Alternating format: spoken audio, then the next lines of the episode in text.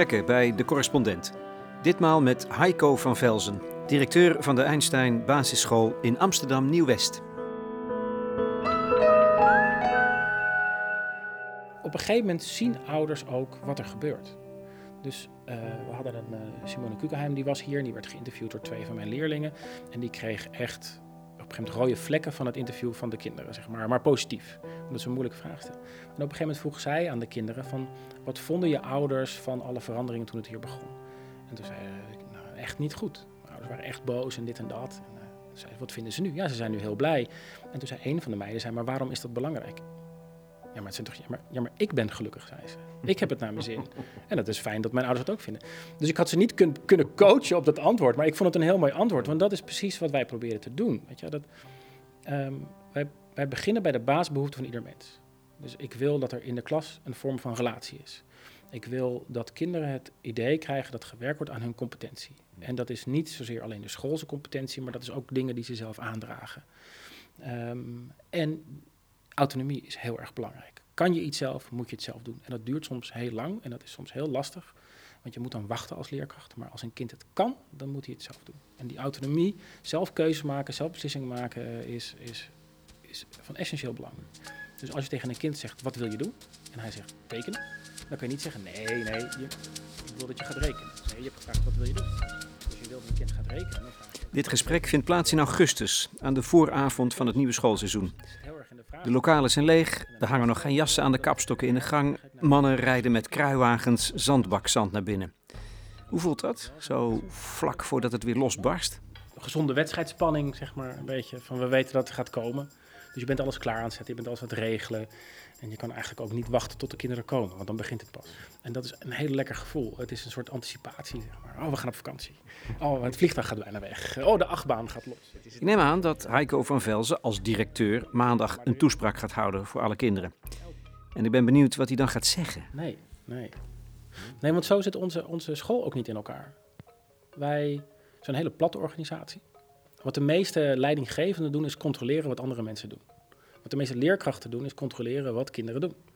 Maar als je genoeg vertrouwen hebt in de mensen waarmee je samenwerkt, hoef je niet te controleren wat ze doen. Je moet zorgen dat zij weten wat ze moeten doen. En uh, dat zij, als zij vragen hebben, iemand uitzoeken die, waarvan zij denken dat hij het antwoord heeft.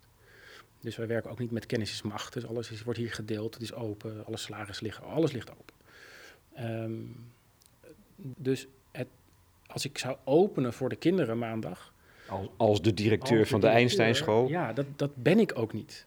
Uh, nee, dat ben je wel. Ja, maar ik ben niet op die manier de directeur. Dus ik sta wel maandagochtend bij de, bij de deur en ik geef een hand ja. aan de kinderen. En welkom. En ik praat wat met ouders. Maar mijn team verzorgt de opening. En of het nou muziek, vorig jaar was het een muzikale opening. En soms is het iets met zang of het is iets. Er is iets, zeg maar. En dan openen we met z'n allen. Want wij doen dat hier met z'n allen. We zijn hier samen. Nou zei je net, vlak voordat, dit interview, voordat ik de microfoon aanzette, uh, dat je je graag dat je je bij, bij dit interview laat leiden. Met een grijns, want dat is niet je gewoonte, zeg je erbij. Ja. Ik ben heel eigenwijs en heel vervelend, ja. ja. Ik heb ook wel heel sterk in mijn hoofd wat ik wel wil en wat ik niet wil. En daardoor is het ook wel het proces van loslaten, is soms voor mij ook heel moeilijk en heel spannend. Dus, dus dat, is niet, dat is ook echt een gebaar dat je maakt als je zegt, ja, het is een team dat het doet. En ik ga daar niet als directeur staan. Ik word ook teruggefloten door mijn team. Dus ik werk hier maar uh, twee dagen. Dat is een bewuste keuze. Uh, omdat ik heel veel van mijn taken, die heel erg leuk zijn, gegeven heb aan mensen in mijn team die dat heel erg leuk vinden. Waardoor ik minder te doen had. Waardoor ik afscheid heb genomen drie dagen in de week. Zodat mijn salaris, dat was wel een voorwaarde, terug de school ingaat. Dus heb ik een atelierdocent bijvoorbeeld voor aangenomen die weer andere dingen kan doen. Dus ik moet in twee dagen tijd moet ik mijn werk doen. En het gebeurt wel eens dat ik op verschillende plekken ben en dan ben ik gehaast en dan kom ik een beetje mopperig binnen en dan doe ik iets uh, wat, ik, wat helemaal niet meer mijn taak is. Dan komt één voor één komen dan mensen binnen en doen de deur dicht en zeggen, wat ben jij nou aan het doen? Dit is, dit, dit, dit is van mij of dit is van iemand anders. Of word ik gewoon teruggefloten. Omdat wij gewoon niet meer zo werken. Ik ben niet de baas of zo.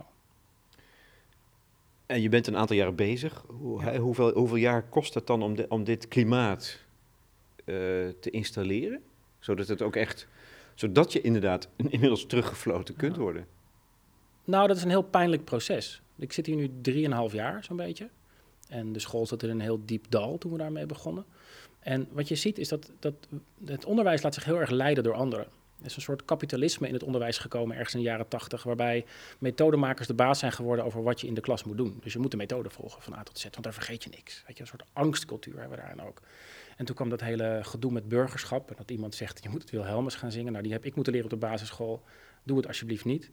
Ehm, maar ook al die sociaal-emotionele methodes, zoals kanjertraining, vreedzame school, al die... Op zich is er niks mis mee. Uh, maar op het moment dat je dat een uurtje doet, doe het niet. Dus wat wij zijn gaan doen, is eigenlijk met de emancipatie van de leerkracht aan de gang gegaan. En je kan alleen maar jezelf emanciperen. En wat je kan doen is doordat je jezelf emancipeert, dat je iemand anders de mogelijkheid geeft tot emancipatie. En dat je laat zien wie jij bent als mens. Ehm, en dat is heel pijnlijk. Dat doet ontzettend veel pijn voor leerkrachten die zich vaak teruggetrokken hebben of toch wat onzeker zijn of de baas willen zijn of een bepaalde rol aannemen.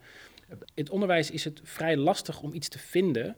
Dus ik mag wel wat het is sowieso lastig om wat te vinden. Dus als ik wat vind over wat jij doet in de klas, dan vind ik eigenlijk ook iets over wie jij bent. En dan heeft iedereen moeite mee. Dus dat is inderdaad zeer persoonlijk eigenlijk. Alsof je aan de mens komt. Ja. De, de deur dicht en zo. Die nu echt even open gaat. Ja, en um, uh, dus heel veel leerkrachten doen de deur dicht, dan hebben ze hun eigen domeintje.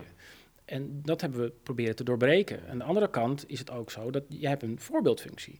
Jij bent eigenlijk de volwassene die kinderen later zouden moeten zijn. Dus daar moet je ook naar gedragen. Dus, en ook als een kind met een vraag komt, dus als een kind naar je toe komt en zegt, meester, het, gaat niet goed met me. Dan kan je vanuit volwassen perspectief, wordt heel vaak gezegd, om drie uur gaan we samen zitten. De hele middag de tijd voor je. Pak nu even je rekenboek. Dus je zegt eigenlijk het kind, het rekenen is belangrijker dan wie jij bent. En dat doet een kind één of twee keer en dan denkt hij, nou joh, in jou heb ik geen vertrouwen meer. Dus je, je, je breekt eigenlijk de relatie opnieuw en opnieuw en ook met elkaar. Uh, dus wij zijn op een gegeven moment ook echt uit gaan spreken wij mogen iets vinden van wie jij bent. Ten opzichte van elkaar? Ten opzichte van elkaar. Zo. Dat is heftig. En dat is, dat is een psychologisch proces, wat psychologen ondergaan met, nou ja, als ze zich uh, tot therapeut willen ontwikkelen bijvoorbeeld. Maar je bent ook een soort therapeut, zeg maar. Je moet uh, op het moment dat, zeg maar, als je, als je achter een computer zit en je bent heel erg aan typen, dan maakt het niet uit in principe wat voor persoonlijkheid je hebt als je alleen zit, zeg maar. Maar je bent met mensen bezig. Je bent uh, schepsels aan het begeleiden een aantal jaar. Dat is best wel een, een heftige baan. Dus daar moet je ook wel uh, openstaan naar ontwikkeling van anderen. Dus ik weet ook wel, een van de eerste mensen met wie ik een functioneringsgesprek had, die zei tegen mij, dus zo, dus jij denkt dat je iets kan vinden over wie ik ben? En zij zat hier al heel lang. Zei ik, ja. En toen liep ze boos weg. Na vijf minuten kwam ze terug, zei ze, ja, misschien heb je wel gelijk. En toen ging ze zitten en toen hebben we het gesprek gevoerd. Hmm maar dat, er zijn ook een aantal mensen daardoor weggegaan. Want we zijn ook het functioneren van collega's. Dus op het moment dat jij niet goed functioneert, bespreken we dat niet hier in mijn kamertje met z'n tweeën, bespreken we dat met jouw hele bouw. Niet om jou stuk te maken, hmm. maar om te zorgen dat, dat we met z'n allen uh, individueel verantwoordelijk zijn voor het proces waar we in zitten. Zodat iedereen zijn steentje bij kan dragen. En ook dat iedereen verantwoordelijk is voor de veiligheid. Dus op het moment dat ik iets aan jou vraag, of iemand anders vraagt iets aan jou, want we zijn er allemaal onderdeel van. En het wordt onveilig. Dat iemand ook kan zeggen, joh, is dit wel oké voor jou? Dat jij kan zeggen, joh, uh, heb je het over? Of nou, eigenlijk niet. Dan is op dat moment ook gelijk de verantwoordelijkheid van de vraagsteller om die vraag te veranderen. Zodat je met elkaar ook leert van het proces. Want dat hetzelfde doe je in de klas. Ja. Zo, nou ja, en dit is, dit is om uit te leggen dat het, je zegt een pijnlijk proces. Ja. En je begon... een heel mooi proces. Ja, ja, nee, dat, ja, ja. Want, want je bent natuurlijk veel verder. Maar dat, dan, want je, je, je startte dus eigenlijk vanaf scratch zo'n beetje. Die cultuur was hier helemaal niet. Nee. En die heb je twee gebracht. Ja. Ik ben nu drieënhalf jaar verder. Hoe, hoe, hoeveel tijd heb je dan nodig om uh, uh, mensen het gevoel te geven... ja, oh, nu, snap, nu beginnen we te snappen. Is dat dan een jaar? Uh, is dat na twee sommige, maanden? Sommige mensen een week en sommige mensen nooit. Hm. Ehm, we hebben een jaar hebben we vrij voor elkaar gekregen. Maar na tweeënhalf jaar waren we echt wel bezig. Dus na 2,5 jaar begon het echt te lopen. En je hebt mensen die er heel goed in zijn en mensen die gewoon hun deur dicht deden. En denken, ik wil er niks mee te maken hebben. En dan moet je langzaam doorgaan. Je krijgt nooit iedereen mee. En hoe geduldig ben jij? Niet zo heel erg. Maar ik heb het wel geleerd. Um, of steeds meer leer ik het. Kijk, ik heb natuurlijk het geluk ook dat mijn bestuurder... die vroeg letterlijk aan mij... joh, wat zou je willen? Als je mocht kiezen, wat zou je willen? Nou, toen zei ik een aantal dingen wat ik zou willen qua onderwijs. Hij zei, oké, en ik had het juist wat sterker geponeerd, omdat ik dacht, ja, dan kan ik nog teruggefloten worden. Dan kan ik toch lekker doen wat ik wil.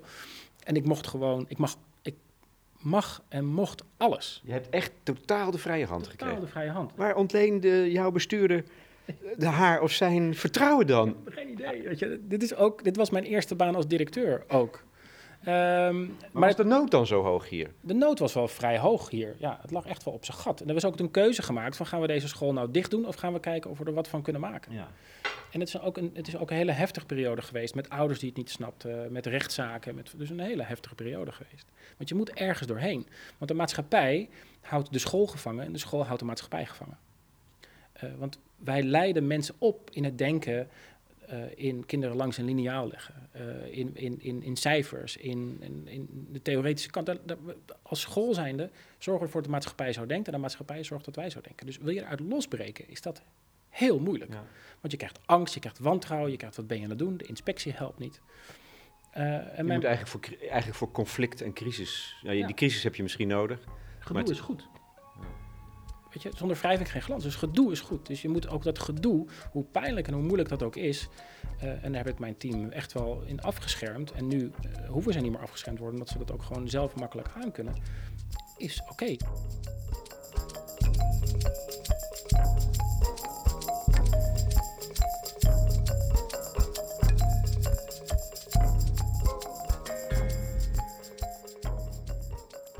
Het gedachtegoed van de onderwijskundige Gert Biesta, met wie ik de vorige keer sprak, klinkt door in het verhaal van Heiko van Velzen, directeur van twee basisscholen in Amsterdam. Hij heeft het steeds over, niet schrikken, relatiecompetentie en autonomie. Oftewel, subjectvorming en socialisatie. Doe maar, dat wil allemaal niet zeggen dat ze op zijn scholen niks doen aan de basisvaardigheden taal, rekenen en schrijven. Je hebt er namelijk ook gewoon kwalificaties nodig, anders loop je vast. Oké, je moet dus verbonden zijn aan wie je bent en wat je doet. Aan je klas, aan je juf, aan de, aan, aan de hele school. eh, en je meester. En je moet je verantwoordelijk voelen. Want anders kom je nergens. Nou, en het onderwijssysteem, wat daar voor ons heel goed bij past, is, is een stuk Montessori. Maar mijn doel is nooit geweest om dit een goede Montessori-school te maken. Verre van zelfs. Eh, ik wil dat dit een oefenplek en een vrijplaats is voor kinderen. Dat ze een soort leren wie ze eigenlijk zouden kunnen zijn later in de maatschappij. Dat emancipatie en verheffing is voor ons een heel, en ook voor mij persoonlijk, een heel belangrijk thema. En heel veel mensen zeggen, oh, verheffing vind ik zo bijbels. Nou, ik ben zo ongelovig als de pest. Ja, dat maar is ook een socialistisch ideaal altijd ja, maar gewoon dat je, dat je kinderen de mogelijkheid wil geven om, om het meest, meeste uit zichzelf te halen. We proberen ook heel veel tijd te steken, bijvoorbeeld in het atelieronderwijs, over fantasieontwikkeling, over keuzes maken. En dat is natuurlijk een hele bijzondere ontwikkeling die wij niet toetsen. Maar kan dat? Want je krijgt van je bestuurder de vrijheid en de ruimte. Maar de inspectie, die zal Ja. toch ook zwaar over jouw schouder meegekeken worden naar, naar hoe, de ontwikkeling van deze kinderen. En dan willen mensen dat dat gemeten wordt. Nou, we zitten natuurlijk vast in een systeem waarin ik ook een eindtoets moet nemen. En Doe je, maar dat doe je ook. Dat doe ik ook. En, die, die, en, en helaas wordt die elk jaar beter. Ehm, Hoe bedoel je? De resultaten? Ja. Of de toetsen? de resultaten.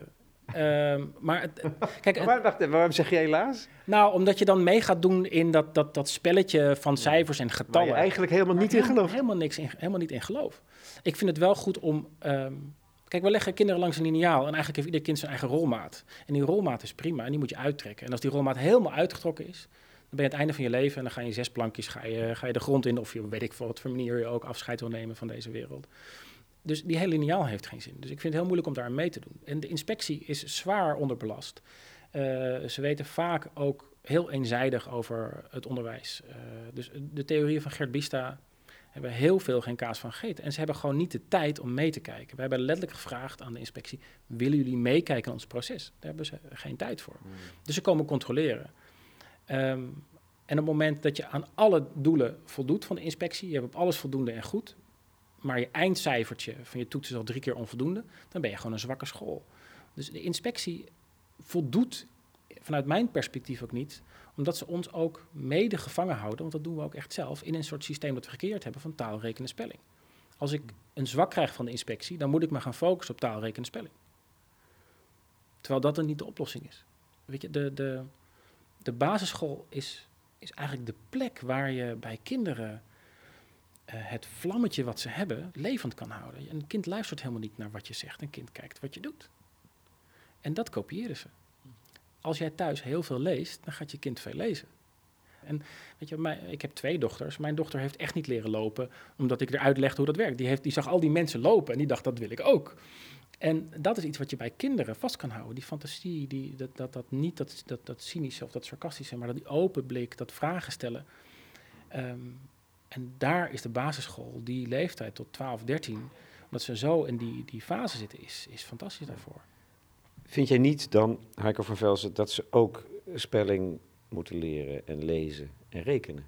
Is dat, is dat, of... Ik vind dat ze spelling, lezen en rekenen moeten leren. Maar ik, ik, ik ben niet altijd eens met de manier waarop. Uit, uit, uh, zeg maar, als je kijkt naar de, de Dick, Dick Swaap zegt dat ook, als je kijkt naar wat we nu afweten van het brein, als we daar 10% van dat we toepassen in het onderwijs, gaat het onderwijs radicaal veranderen. En onze oplossing is om iPad-scholen te maken. Digitale media um, probeer ik echt wel zoveel mogelijk buiten mijn school te houden. We hebben wel digitale media, maar um, als je kinderen niet leert hoe een werkstuk maken werkt, dan krijg je alleen maar Wikipedia-werkstukken. Als je ze eerst leert in boeken en dingen opzoeken en wat is inhoud en hoe ziet dat eruit en wat is je fantasie en wat wil je weten. En daarna leer je ze hoe het met internet om te gaan, dan krijg je een ander soort werkstukken. Dus het moet een functie dienen. En we weten ook dat in principe een kind in groep 7 alles kan leren wat betreft rekenen wat hij nodig heeft. Omdat hij dan cognitief zo ver is dat hij enorme stappen kan maken. Mits hij niet op jonge leeftijd gefrustreerd is. Maar we hebben kinderen in groep 4 in Nederland die zeggen: Ik kan niet rekenen. Tuurlijk kan je wel rekenen. Alleen, we hebben het aangeboden op het moment dat jij niet naartoe was. Omdat we in groep 2 een toets afnemen. Of in groep 3 een toets afnemen waar je nog helemaal niet naartoe bent. Het ene kind is gewoon op een ander moment eraan toe dan de ander. En bijvoorbeeld CITO is een fantastisch middel om te toetsen wat kinderen niet weten. Dus een kleuter die kan, kan, kan vermenigvuldigen of op kan tellen tot een miljoen, maar niet af kan trekken, kan een E scoren op zijn toets. Want dat stukje wordt gevraagd. Kan die dan niet rekenen? Dus, maar dat is ook een soort beperking van een. We willen het kwantificeren. We willen dat het allemaal hetzelfde is. We willen dat alle scholen met elkaar kunnen vergelijken. We willen dat eigenlijk een beleidsmedewerker de resultaten kan lezen en die hoeft niet per se iets van onderwijs af te weten.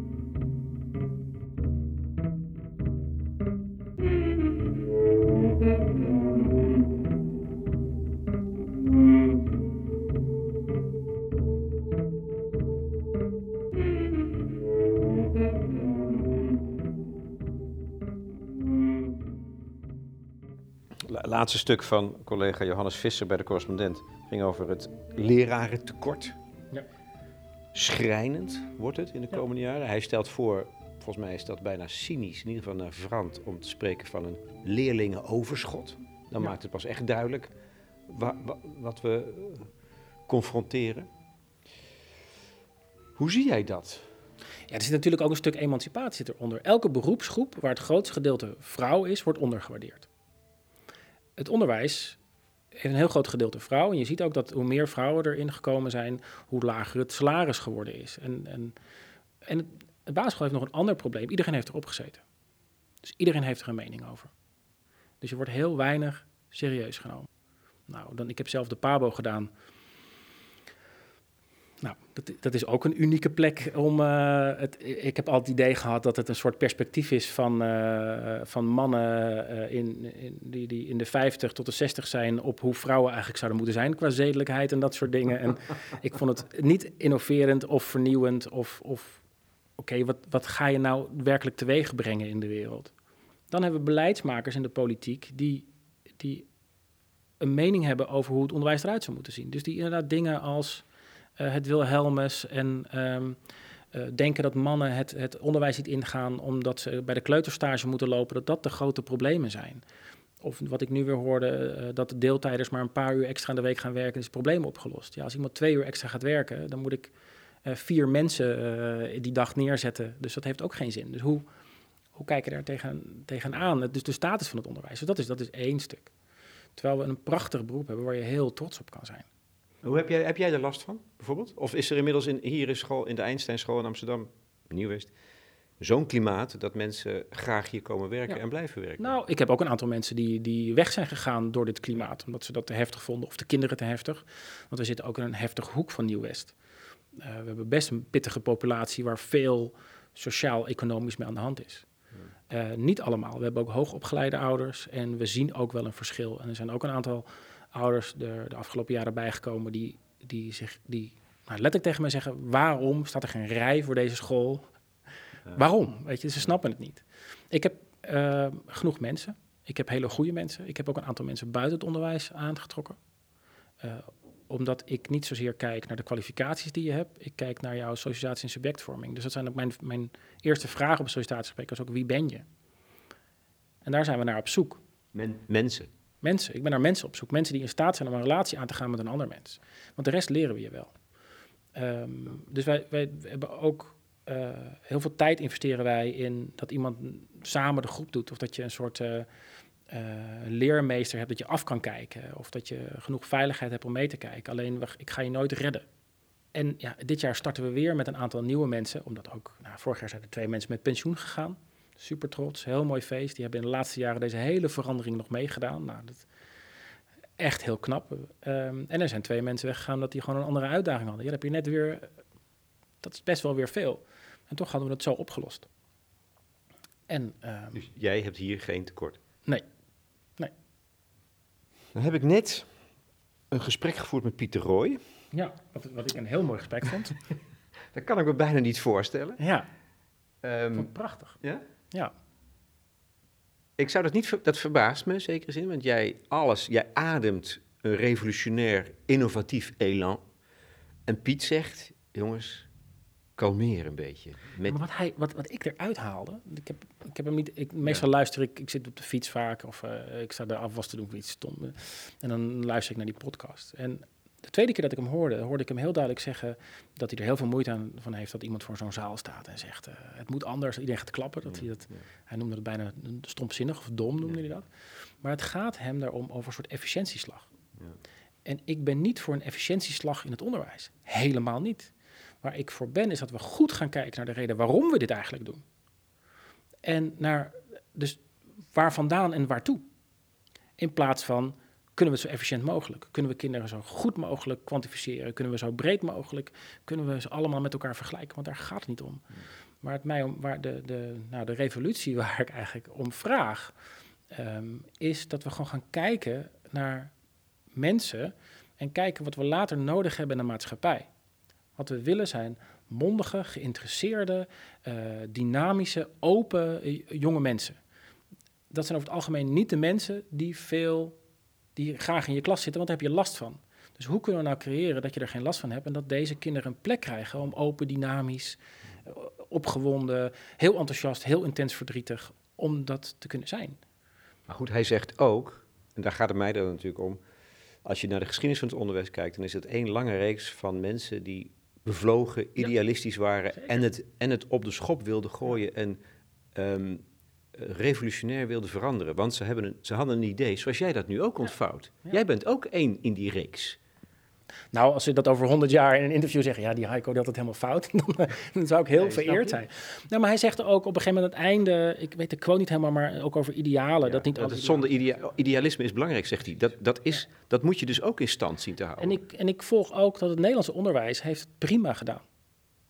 Um, maar het Nederlandse onderwijs is gebaseerd op een soort archetype waarbij we zoveel mogelijk mensen eigenlijk opleiden om de arbeiders in onze fabrieken te worden. Dus we zetten een bord neer, we zetten 50 kinderen in de klas en we gaan uitleggen op het bord hoe de wereld in elkaar zit. De elite van Nederland heeft altijd nog privéonderwijs, kleine groepjes, interactief. Als ik kijk naar, uh, ik kom uit Oesgeest. Um, als je de middelbare school niet haalde, zat er een, een privé, particuliere middelbare school in Leiden. En dan ging je daarheen en dan haalde je het alsnog, zeg maar, een kleine groepje. Dus het is ook een bepaald soort, we weten ongeveer dat het zo werkt. Uh, wij zitten op het punt, uh, sociologisch, ecologisch, financieel, dat, het gewoon, dat we op moeten letten. We zitten op het punt dat we, de, als we de keuze die we, nu... Als de, de, de, de, de, wereld. Ja, we zitten op een, op een moment dat als we nu de verkeerde keuzes maken, dat, dat mijn achterkleinkinderen geen Nederland meer hebben of misschien nog wel erger. Daar heeft het onderwijs aan bijgedragen. Dat we op dit punt zitten. Dus het onderwijs kan in mijn objectief ook bijdragen aan een andere manier van kijken. Niet alleen, want we zijn echt, we hebben minimaal invloed, maar we hebben wel een klein beetje invloed. En hoe zwakker de populatie is, sociaal-economisch, hoe groter je invloed is, want hoe minder ze van huis meekrijgen. Over het algemeen. Dat is gechargeerd. Dus dat telt niet voor iedereen, maar dat is, dat is wel een belangrijk stuk. Dus ik denk dat wij kinderen heel erg de waarde mee moeten geven van, van relatie en verbondenheid en keuzes en zelfstandige keuzes. En hoe doe je dat dan? Dat je niet alleen een goede keuze maakt als papa en mama kijkt, of de meester of de juf of de politieagent, maar dat je, dat je een keuze maakt en dat dat jouw keuze is, goed of slecht. De wijk waarin ik zit, zie ik ook een hele grote, zie ik dat de segregatie steeds groter wordt. De, de, de maatschappij voor rechts. Dus aan de ene kant uh, worden we steeds banger voor de ene groep, en de andere groep gaat zich ook zo gedragen. Dus mensen keren in zichzelf, uh, de hoeveelheid mensen die in, in, een extreme vorm van religie geloven, welke religie het dan ook is, neemt toe. Mensen zetten zich af. Dat, dat moeten we voorkomen.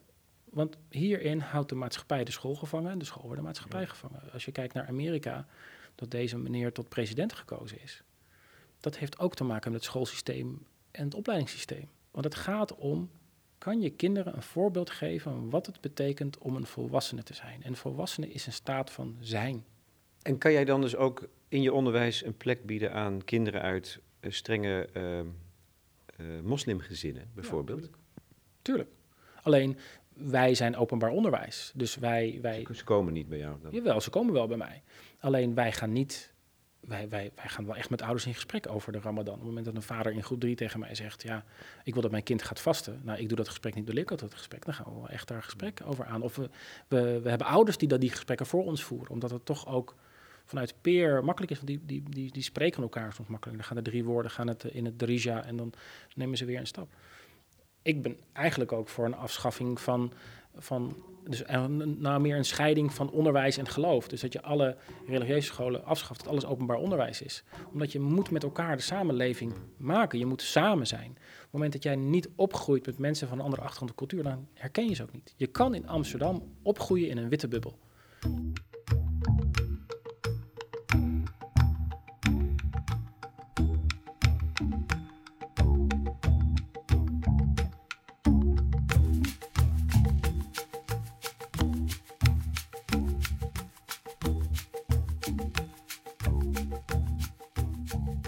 Komt het bij jou vandaan? Waar is dit bij jou begonnen? Deze schitterende droom? Ja, dat weet ik eigenlijk niet. Um, nou, ik, ik, ik ben niet begonnen. Ik, eerst heb ik uh, andere dingen gedaan. In de horeca gewerkt, uh, gestudeerd, wat dan ook. En op een gegeven moment uh, kwam ik in het, in het basis... Rust, rusteloos? Niet, niet je weg vinden, niet je plek vinden? Nou, ik ben sowieso als mens ook wel rusteloos. Ik, na een aantal jaar wil ik altijd wel weer het volgende doen. Alleen privé ben ik heel gerust, zeg maar. ik heb een heel fijn gezinsleven en hele... Uh, maar altijd wel op zoek naar, oké, wat, wat drijft mij nou? Dus ook wel zorgen dat ik alles eruit kon halen wat erin zat. Ook wel overcompenseren, een bewijsdrang en dat soort dingen. Uh, ook wel weer heel erg onzeker. Dus op het moment dat je heel erg veel gaat vertellen hoe goed je wel niet bent, ben je eigenlijk gewoon heel erg onzeker over wat je doet. Dat heb ik nog steeds, heb ik daar last van. En ik kwam toen... Zit, zit, er, zit er nu nog onzekerheid in jou over wat je hier aan doen bent? Tuurlijk, enorme onzekerheid. Waarover dan? Of je het wel goed doet, of je het wel redt, of je, uh, ook, of je wel kan zijn wie je, uh, wie je wil zijn. Dus ik had vorig jaar ook een heel conflict.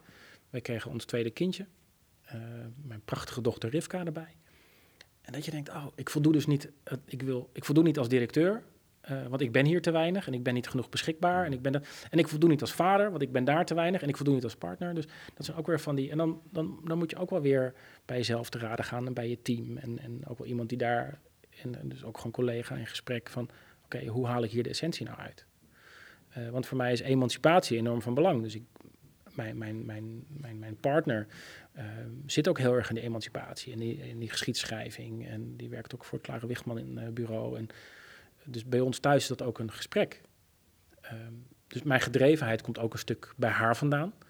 Zij heeft mij echt dingen uitgelegd. En als je dan eenmaal ziet, dan kan je het niet meer ontzien. Dus dat is voor jou ook, het is niet zeg maar het lezen van een revolutionair uh, denker over onderwijs die het teweeg heeft gebracht.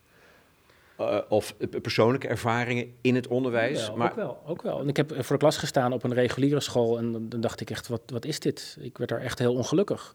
En toen op een gegeven moment, uh, via wat omzwervingen, kwam ik in Amsterdam terecht. Buiten de, de onderwijs en toen weer in het onderwijs. En dacht ik, oh wacht, zo kan het dus ook. Dan kwam ik op een Montessori school in de Pijp terecht. Best een heftige school, en fantastische collega's. En dacht ik, oh, zo kan het dus ook. En dan ga je langzaam uh, dingen lezen. En dan kom je steeds meer dingen tegen en dan word je eigenlijk steeds activistischer. Uh, op een gegeven moment ben ik een directeurenopleiding gaan doen.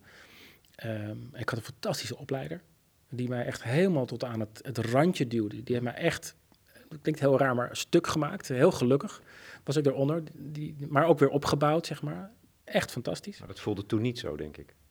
Nou, terwijl ik het aan het doen was, niet. Uh, maar hield me wel heel, zeg maar. Maar hij haalde echt alles eruit. Wie was dat? Leo Wijker. Uh, hij is bestuurder in, uh, in de buurt van Alkmaar ook. en ik weet nog dat ik, dat ik, ik, ik kwam thuis en toen zei ik tegen mijn... en ik was natuurlijk heel arrogant. Ik wilde twee jaar in één doen. En, en toen kwam ik thuis bij mijn vriendin in mei. En toen zei ik, ik stop ermee. Ik heb geen overzicht meer. En toen was mijn schoonmoeder er ook. En die werd heel boos op me. Van, hoe kan er nou mee stoppen? En, dus ik moest naar hem terug, dus ik Leo opgebeld. En we zaten bij die opleiding. En toen hebben we alle stukken doorgegaan. Hij zei, nou, pak je laptop, we nemen alle stukken door. En zei, ja, ik snap dat je geen overzicht meer hebt, want je bent klaar. Huh?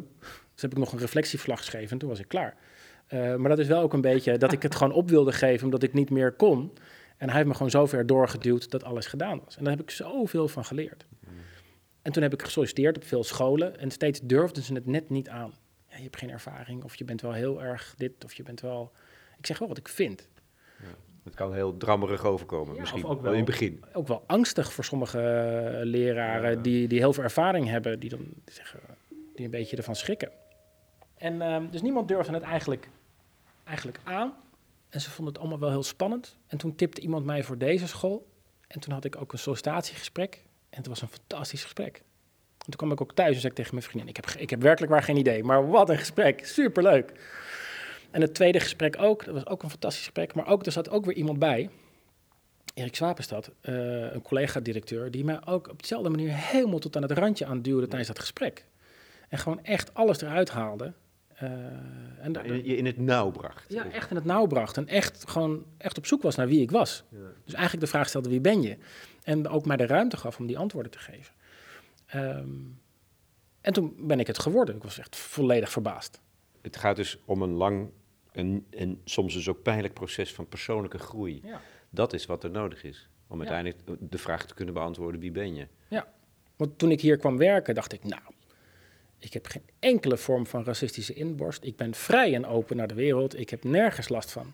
En na een jaar kreeg ik terug, ik kon wel huilen. Ik schaamde me bijna voor hoe ik begonnen was.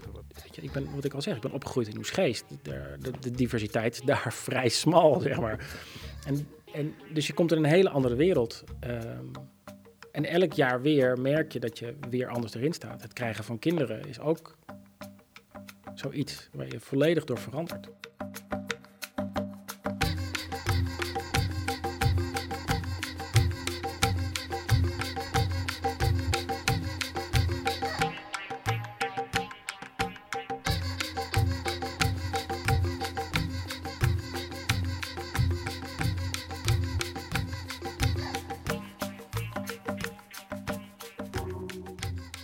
Als ik nou, nu is het leeg. Ja, mannen rijden kruiwagens met zandbakzand door de gangen. Um, ik heb een idee van hoe jij erover denkt. Maar als ik hier nou zo rondloop, wat zou ik dan zien? Nou, kinderen met schouders naar beneden en een glimlach. Kinderen rennen naar school. Uh, maar soms ook hele heftige dingen. Uh, en die, die, geven we ook de ruimte. Dus ook dingen dat er uh, iemand anders aan het afpersen was buiten schooltijd. Want dat is ook wel de. Uh, weet je, kinderen die groeien. Sommige kinderen groeien hier op in extreme criminaliteit. Uh, en dat is ook de wereld die ze kennen. Dus dat is ook de wereld die ze toepassen als ze onder druk staan. Dus dat is ook wel.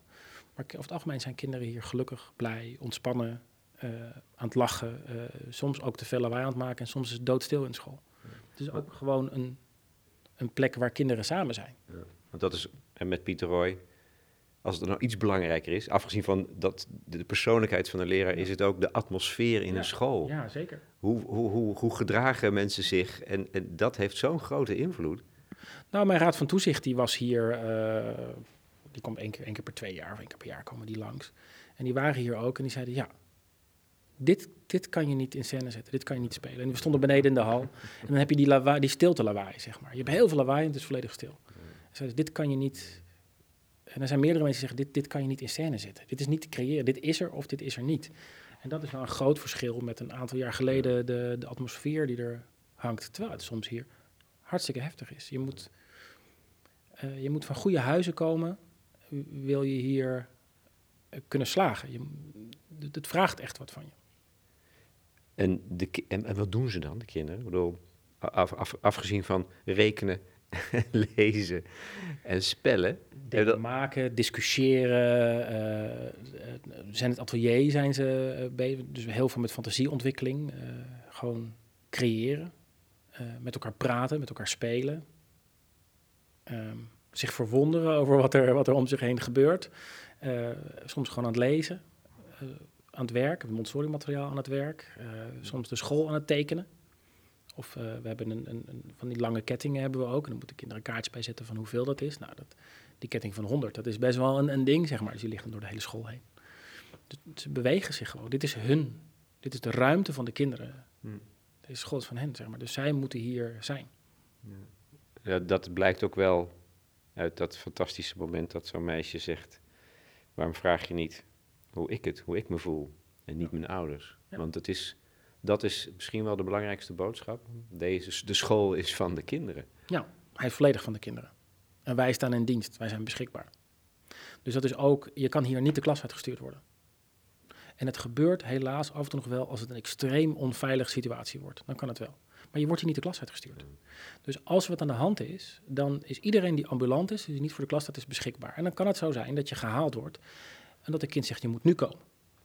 Dan laat je alles vallen, dan ga je erheen en neem je de klas over, zodat de leerkracht met dit kind in gesprek kan gaan over wat er aan de hand is. Um, een kind kan wel zelf de klas uit willen. Dus die kan zeggen, joh, meester, ik, ik moet even weg. Oké, waar ga je heen? Voor hoe lang? Wat ga je dan doen? En wanneer kom je terug? Dat is dan de afspraak die je maakt. Dus dan kan een kind wel zelf weg. Op het moment dat je aan het begin van het jaar tegen een groep kinderen zegt, wat je ook doet, ik stuur de klas niet uit, krijg je een hele andere dynamiek. Dat is, dat is volledig anders. We gaan presentaties maken en iedereen heeft een 9. Zorg maar dat je hem verdient. Weet je, dat, zijn, dat, zijn, dat is een andere vorm van taal, want je, je, je daagt kinderen op een andere manier uit. Er werd in de bovenbouw gepest. Um, we hebben de hele bovenbouw stilgelegd. Volledig. En we hebben een vraag gesteld, wie wist dit? Wie wist dit? En toen gingen een aantal vingers omhoog. En toen zeiden we, nou, is het probleem nog groter dan we dachten, want wij wisten het niet. En nu? En zo ook het kind de vraag gesteld die gepest werd. Wat wil jij? Wil je weg? Wil je naar een andere school? Wil je naar een andere klas? Wat wil je? Maar in openheid, in, openbaarheid. alle openheid. En ook wel privé met die ouders en met het kind zelf. En op een gegeven moment zei het kind zei van, nou, ik wil graag naar een andere klas. Oké, dat mag. Maar wij gaan ook iets doen met jou. En jij gaat iets doen met jezelf. En met papa en mama. Dus met ouders heel intiem uh, gesproken. Uh, met hem, hij, hij, is echt anders van school gegaan. Uh, echt veel sterker van school gegaan. Wat we nu zien is dat de groep zich verantwoordelijk aan het voelen is voor dit soort processen. Dus als het nu voorkomt, staat de hele groep op. En dan moet je eigenlijk degene die aan het pesten is beschermen tegen de groep en hem dan weer in de groep leiden. Dus dan, draait de rol van de, van de leerkracht daarin ook. Maar we hebben ook een, een, een kinderen hier op school waarvan de vader moeder om het leven gebracht heeft. Nou, voor de ogen van het jongste kind, dat is, dat is een heel heftig iets. Ehm, die zaten in de middenbouwgroep. En in die middenbouwgroep waren acht kinderen die of geen vader of geen moeder meer hadden. En toen overleed er nog een vader. Ja, dan moet je alles stilleggen. Dan is dat, dat is wat je doet. En alles hang je daaraan op. Dus dan ga je een hele diepe connectie met je kinderen aan. En dan moet je ook dingen delen van jezelf. Dan kan je niet zeggen, nou dat is jullie verdriet, uh, ik vertel niks over mezelf. Je moet ook wat over jezelf vertellen. Dus, dat zijn wel dingen die hier op school soms gebeuren, die heel, heel heftig zijn. We delen gewoon alles met elkaar. Kinderen kunnen heel veel aan. Zijn er nog plaatsen vrij? Kan je nog meer kinderen kwijt? Ja, heel veel. ja. ja.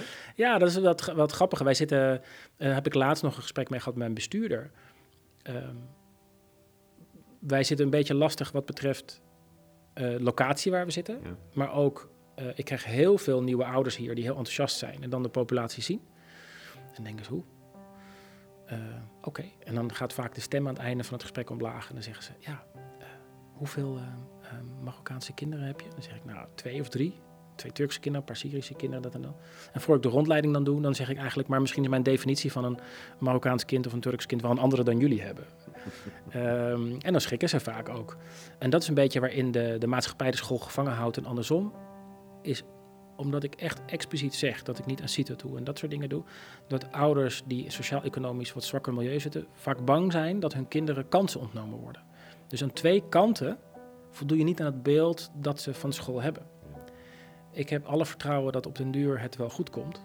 En zeker als ik de reclame hoor die nieuwe ouders voor mij maken, hoe enthousiast zij zijn en hoe blij zij zijn, dan komt het wel goed. Maar we zitten daar nog wel in een stuk. Maar we hebben er in ieder geval meer dan we volgens de prognoses zouden moeten hebben. Want deze school is wel afgeschreven en dat is er nu niet meer.